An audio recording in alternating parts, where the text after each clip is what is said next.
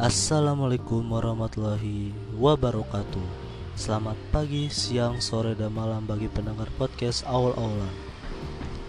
Pada segmen kali ini, saya Muhammad Rizky berkesempatan untuk melakukan podcast Yang menjelaskan tentang moderasi beragama. Podcast ini merupakan salah satu tugas dari mata kuliah TBP di semester 7 BPI UIN Jakarta. Dan kali ini saya akan menyoroti peran generasi milenial terkait moderasi beragama. Yang kita ketahui, jika kita berbicara agama, sungguh sangatlah berat. Perlu adanya tokoh-tokoh atau orang-orang yang berkompeten di dalam uh, dalam membahas agama ini. Namun, generasi milenial juga dapat mensosialisasikan muatan moderasi beragama di kalangan masyarakat agar tercipta kehidupan yang harmonis, damai, dan rukun. Salah satu empat aspek yang dapat disosialisasikan oleh generasi milenial terkait moderasi agama di antaranya adalah komitmen kebangsaan yang kuat. Tentu saja, pada saat ini remaja atau generasi milenial sangatlah perlu dikuatkan komitmennya terhadap kebangsaan yang kuat. Lalu, perlunya ada sikap toleran terhadap sesama. Tentu, kita mengetahui bahwasannya Indonesia ini adalah negara yang multikultural yang terdapat enam agama di dalamnya.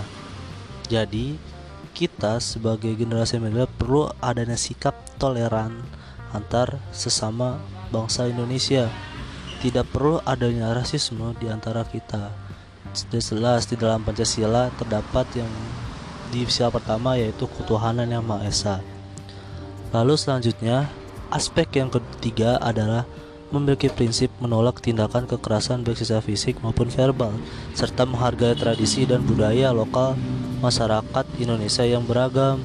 Yang, yang sudah saya jelaskan sebelumnya, kita harus menolak atau tindakan kekerasan secara fisik maupun verbal agar terciptanya kerukunan antar umat beragama.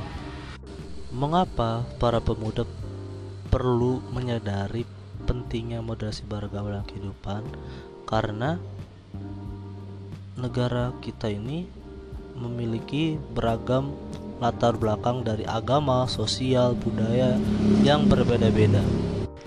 Moderasi beragama merupakan konsepsi yang dapat membangun sikap toleran dan rukun guna memperkuat persatuan dan kesatuan bangsa. Dan juga pihak-pihak yang berkepentingan di dalam moderasi beragama perlu adanya semacam pendidikan khusus untuk menciptakan kerukunan antar umat beragama. Jadi, dari sini kita harus mempercayai para generasi milenial untuk meningkatkan sikap toleransi kesama manusia.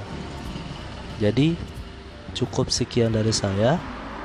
Kesimpulan dari saya, milenial perlu diberikan tugas yang penting dalam meningkatkan moderasi beragama.